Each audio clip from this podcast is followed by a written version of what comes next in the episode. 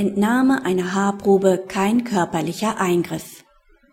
Das Oberlandesgericht München hat entschieden, dass die Entnahme einer Haarprobe zur Drogenkonsumkontrolle keinen körperlichen Eingriff darstellt und eine entsprechende Kontrollweisung auch ohne Einwilligung des Betroffenen erteilt werden kann.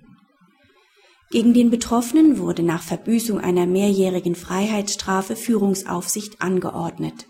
Dabei wurde ihm die Weisung erteilt, keine illegalen Drogen zu sich zu nehmen und sich zum Nachweis hierfür bis zu viermal pro Quartal beim Gesundheitsamt Urin- und Haarproben zur Untersuchung auf Betäubungsmittelrückstände abnehmen zu lassen.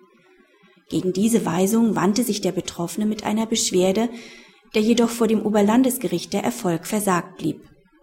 Es stellte zunächst fest, dass die Weisung zur Abstinenz von illegalen Betäubungsmitteln dem Verhältnismäßigkeitsgrundsatz entspreche, obwohl der langjährig drogenabhängige Betroffene entsprechende Therapieversuche während seiner Haftzeit abgebrochen hatte.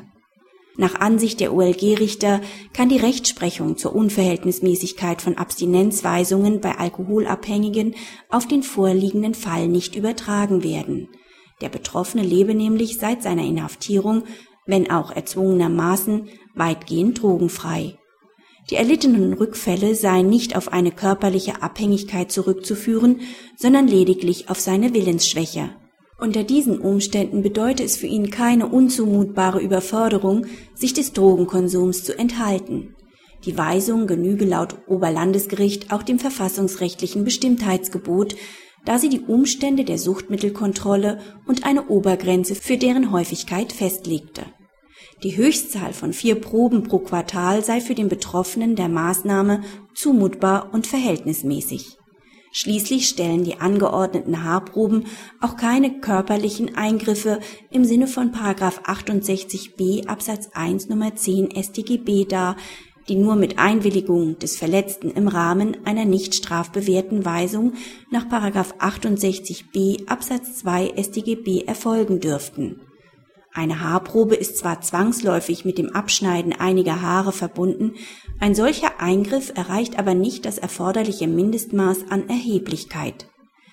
Ebenso wie bei 223 StGB und 81a StPO setze auch ein Eingriff nach 68b Absatz 1 Nummer 10 StGB eine mehr als nur unerhebliche Beeinträchtigung der körperlichen Integrität voraus. Kritik Die Entscheidung ist lesenswert, weil sie die Anforderungen an die Erteilung von Weisungen zur Abstinenz von Drogen konkretisiert, auch wenn man unterschiedlicher Auffassung sein kann. So hat der dritte Strafsenat des Oberlandesgerichts München am 9.06.2010 die Entnahme von Haarproben als körperlichen Eingriff im Sinne von 68b Absatz 1 Nummer 10 StGB qualifiziert